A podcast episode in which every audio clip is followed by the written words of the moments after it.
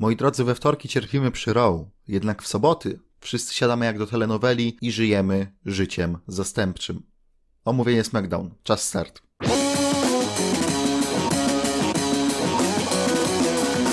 Halo, halo, póki mam jeszcze Waszą uwagę, nie zapomnijcie o lajku, o subskrypcji i o jakimś fajnym komentarzu. Robimy tę serię regularnie, więc dobrze by było, żeby tam jakaś aktywność się zebrała. Jednocześnie przypominam, link do top 100 wrestlerów 2020 roku. Top 100, nie top 10, nie top 20, nawet nie top 50, top 100 wrestlerów 2020 roku jest w komentarzu. Zapraszam bardzo serdecznie osoby, które jeszcze się z nim nie zapoznały. Rozpoczynamy od kolejnego fenomenalnego segmentu, którym jest Roman Reigns. Czy to już reguła? Oczywiście, że tak, ponieważ Roman Reigns to jak? Kto? Kozak totalny, tak jak już ustaliliśmy. Fenomenalne jest to promo. Fenomenalne jest to promo, które otwiera nam niebieską tygodniówkę i nawet takie w klimatach głosu wrestlingu, nawet takie w klimatach tych naszych żartów, bo Roman mówi, że karta możliwa do zmiany to wymówka dla słabych. Roman mówi, że on nie szukał wymówek, gdy nawet pięć razy w tygodniu walczył, że go bolą plecy, że go boli kolano, że go boli kostka, że go bolą ręce, a mogłyby go boleć plecy, ponieważ dźwiga te federacje na swoich barkach od już długiego czasu. Jest to naprawdę świetny kawałek proma. Wychodzi Adam Pierce, mamy konfrontację z Polem Heymanem, która nam doprowadza do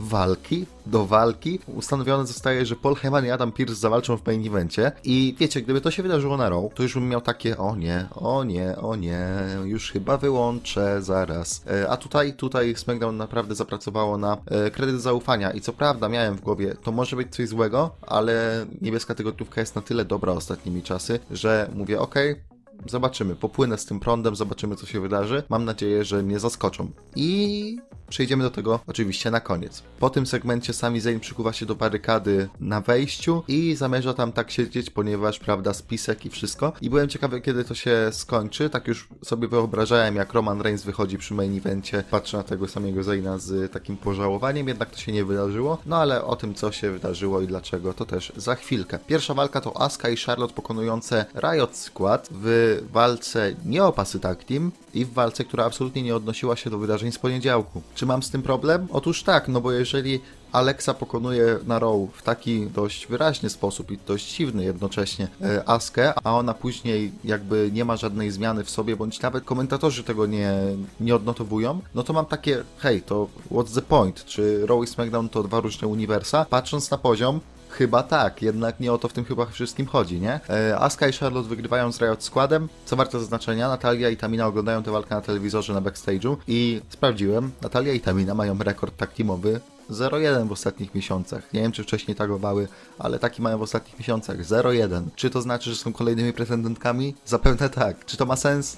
Oczywiście, że nie. E, Billy Kay przy okazji przeszkadza Riot składowi i to doprowadza później do e, break-upu tej trójki na dwójkę i jedynkę. Trochę jestem zawiedziony, bo tam był większy potencjał. Tam był, tam był większy potencjał. Ostatnio już zresztą mówiłem, jak, jak Billy dołączyła do Riot składu, że tam jest potencjał komediowy i niby coś tam próbowali ugrać, ale tak naprawdę zostało to ograniczone tylko do tego, że no w finalnych momentach, gdyby nie Billy Kay, to by wygrały i to tyle. Daniel Bryan wychodzi i robi promo na temat Royal Rumble, że chce wygrać, że tego jeszcze nie zrobił w karierze i spoko. Mija przy okazji tego samego Zayna i tam jest, tam jest to napięcie, tam jest ta historia z ostatnich tygodni. E, później wychodzi Cesaro, Cesaro, który oczywiście pokonał tydzień temu Briana.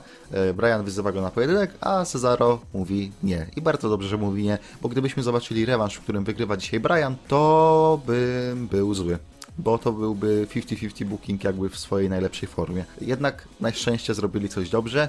Jestem pewien, że na Raw zrobiliby rewanż i Brian by wygrał, ale to nie jest Raw. Cesaro z kolei rzuca otwarte wyzwanie dla każdego, tylko oczywiście nie dla Briana i wychodzi Dolph Ziggler. E, no i oczywiście Cesaro pokonuje Ziglera, co daje mu już dwutygodniowy winning streak, Moi drodzy, moi drodzy, czyżby z Cezaro w końcu zaczęło się coś dziać? Uwaga, wszyscy jeszcze, jeszcze nie wstawajmy z krzeseł, ale coś się chyba kroi. Oby, mam nadzieję, mam nadzieję. Wyobraźcie sobie tylko rywalizację Bigiego z Cezaro o IC Title. Jezus Maria, jakie to byłoby piękne. Sasha Banks kontra Reginald, czyli ten punkt, który miała spełnić Carmela, żeby dostać rewanż o pas e, kobiet. Na papierze wygląda to, o Jezu, to będzie jakiś dwuminutowy segment, który będzie nudny, jakiś głupi. A Reginald wyglądał tutaj niesamowicie, bez zadania żadnej ofensywy. I to jest ważne, bo Reginald ze swoim backgroundem gimnastycznym robił po prostu piękniejsze rzeczy niż 90% cruiserweightów w WWE i wyglądał jak milion dolarów. Wyglądał jak milion dolarów, wyglądał jak koleś, którego ja chcę zobaczyć od teraz na każdej tygodniówce najlepiej walczącego. Ja nie wiem, jak tam wygląda jego status, jeżeli chodzi o ring. Mam nadzieję, że jest na tyle ogarnięty,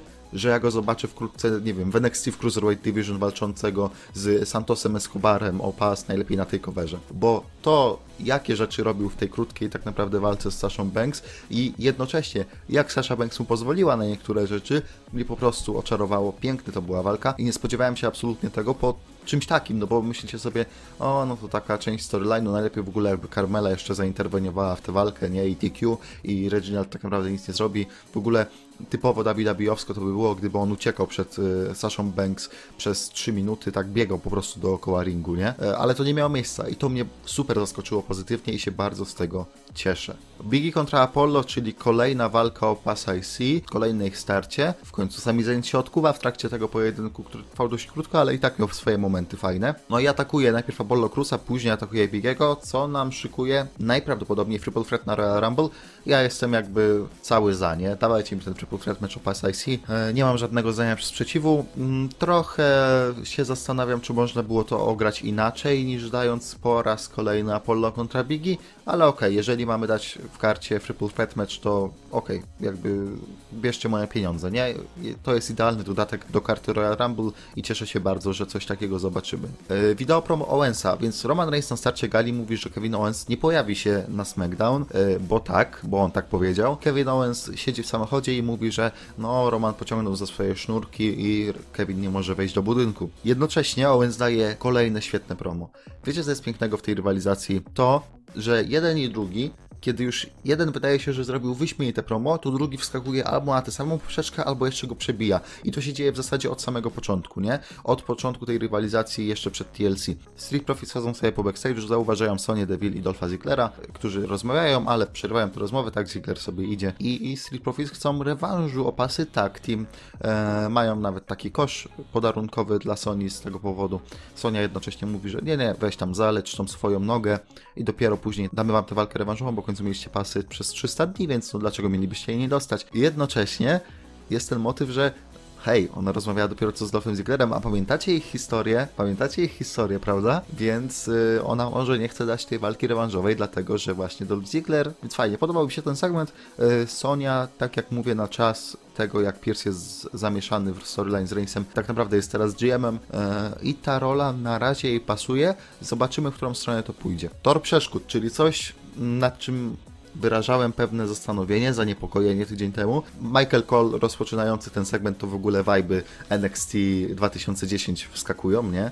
Tam już zaraz myślałem, że będą musieli biegać po widowni i nie wiem, pić kubek wody czy tam czego to oni pili, potem znowu zbiegać z góry na dół. I trochę to było coś takiego. Była tam opona, były przeskakiwanie przez y, jakieś tam przeszkody, było wyniesienie Chada Gable na Fireman's Carry, czyli pod Attitude Adjustment i przejście z nim kilka metrów i było na końcu wrzucenie piłki do kosza. Bailey robi to na luzaku, ona przecież ma czas, tam finalnie chyba wychodzi jej 1-12 i gdy Bailey kończy, to tam e, Biance podmieniają jedną konkurencję, żeby miała trudniejszą. To jest ten moment, w którym Bianka pokazuje takim osobom szarym, tak, takim niedzielnym fanom, jak bardzo ma dużo potencjału takiego czysto atletycznego, bo ona przeskakuje wszystko jak totalna szefowa i później jest ten moment Fireman Carry i Chad Gable mówi, nie, nie, nie, nie mnie musisz wynieść. I wychodzi Otis. I ja, ja myślałem, że umrę ze śmiechu, bo to był piękny moment. I ona wynosi tego Otisa i przechodzi z nim na tym Fireman's Carry. No i nie mówcie mi, że to nie jest potencjał na gwiazdy, że to nie jest potencjał na zwyciężczynię Royal Rumble Match, że to nie jest potencjał na mistrzynię kobiet. E, potem tam jeszcze Bailey próbuje robić jakiś, jakąś zasłonę, robią, grając w kosza z, z, z Bianką Belair, ale to i tak nic nie daje. Bianka wygrywa ten tor przeszkód. Bałem się tego segmentu, bałem się tego segmentu, ale jakoś to ugrali na tyle, że, że dla mnie to była rozrywka po prostu. To była dla mnie rozrywka wystarczająca, więc e, okej, jestem, jestem, jestem okej z tym. Dominik i Ray mają swój segment na zapleczu i tam Ray mówi, no jeżeli ci się nie uda z e, Corbinem, no to następnym razem robimy rzeczy po mojemu. No i Dominikowi się nie udaje z Corbinem, bowiem przegrywa z Baronem Corbinem. Podoba mi się na razie to, jak wykorzystują Dominika, to znaczy, no nie pokazują, że jest jakimś tam kolesiem, który może pokonać pół rosteru, ale jednocześnie dają do zrozumienia, że to jest talent i to jest przyszłość WWE, więc Dominik teoretycznie jeszcze nic nie wygrał, ale masz wrażenie, że, że wkrótce będzie ten jego breakout moment. Czy to w dywizji tak teamowej z ojcem, czy to gdzieś singlowo może nawet. No i mamy ten main event, mamy tego Adama Pierce'a z Polem Heymanem, no i ten Paul Heyman wychodzi i podczas wchodzenia na schody, kontuzja oczywiście, karta może się zmienić i wychodzi nie kto inny jak Roman Reigns. I to jest to, co mówiłem tydzień temu. Reigns tego płazem nie puści, tego co się wydarzyło tydzień temu i od razu atakuje Pierce'a. Tam zresztą Pierce ma trochę ofensywy nad nim, ale bum, już od razu idzie low blow. Co się wydarzyło? Tam przechodzimy w ogóle gdzieś tam w kierunku ekranów Thunderdome. Myślałem już w głowie, ok, robimy kopię lustrzaną tego spotu sprzed y, bodajże trzech tygodni, gdy Owens został zrzucony przez Reignsa z y, ekranów tam Thunderdome. Teraz to e, Reigns zostanie zrzucony przez Owensa. Byłem blisko, bo Owens się pojawił, ale nie zrobili tego spotu. E, No i generalnie Owens niszczy Romana, niszczy Romana po raz pierwszy w tej rywalizacji tak naprawdę e, fizycznie dominuje nad Reignsem. Jakie to story jest piękne, naprawdę jakie to story jest piękne. Podoba mi się na razie każdy motyw e, w tej rywalizacji. Jasne, chciałbym zobaczyć walkę Pierce'a z Romanem, ale w tym momencie, tak jak sobie z tym poradzili i tak wychodzi to na tyle fajnie, że okay, jestem Jestem zadowolony. Całe SmackDown, kurczę, jak ja się dobrze bawiłem. Dwie godziny świetnej telewizji, bo midcard jest przewyborny, przewyborny jest ten midcard na SmackDown. Już to ostatnio mówiłem. Mamy tego Zayna, mamy tego Bigiego, mamy tego Apollo, mamy tego Cesaro, mamy Ziglera nawet, mamy teraz Briana, mamy Nakamurę.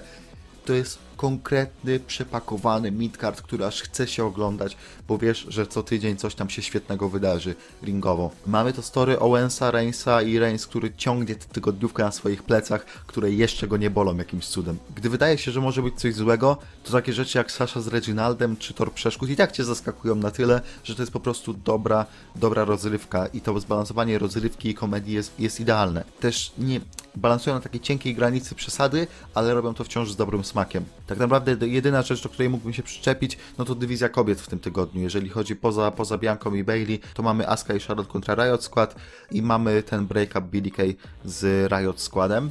Reszta Jasne, były rzeczy takie bardziej neutralne dla mnie, jak ten Corbin z Dominikiem, czy nawet ten Tor Przeszkód, czy ten Cesaro z y, ale jest też dużo plusów. Jest oczywiście e, main event segment, tak naprawdę, bo tak to trzeba nazwać, generalnie Roman Reigns, e, Sasha Reginald, dużo, dużo rzeczy się działo na, e, na plus i podtrzymujemy dobrą pasę, podtrzymujemy dobrą serię. Tym razem SmackDown dostaje Znów 7, znów 7, było bardzo blisko ósemki, gdyby ten motyw z Aską, Charlotte i Red Squadem był lepiej ograny, gdyby na przykład to była walka o pasy tak team, a Riot Squad ostatnio wygrywał dużo tak team meczy, nie to co Natalia i Tamina, Streak 01 przypominam. Te piątki to jest to A-Show, te piątki to jest ten dzień, kiedy trzeba oglądać wrestling. NXT jest nawet gorsze od SmackDown i to tak wyraźnie jest gorsze. To już nie są te czasy, kiedy o, main roster powinien się uczyć od NXT, nie, nie, nie. Teraz wszyscy patrzymy na SmackDown i tam się uczymy. No i co, to by było na tyle. W omówieniach słyszymy się ponownie we wtorek, a tam będę pewnie znowu płakał. Więc dajcie mi chociaż ten jeden dzień w tygodniu, kiedy się cieszę i z uśmiechem na twarzy to nagrywam. Ja byłem ja, wy byliście wy i do usłyszenia wkrótce.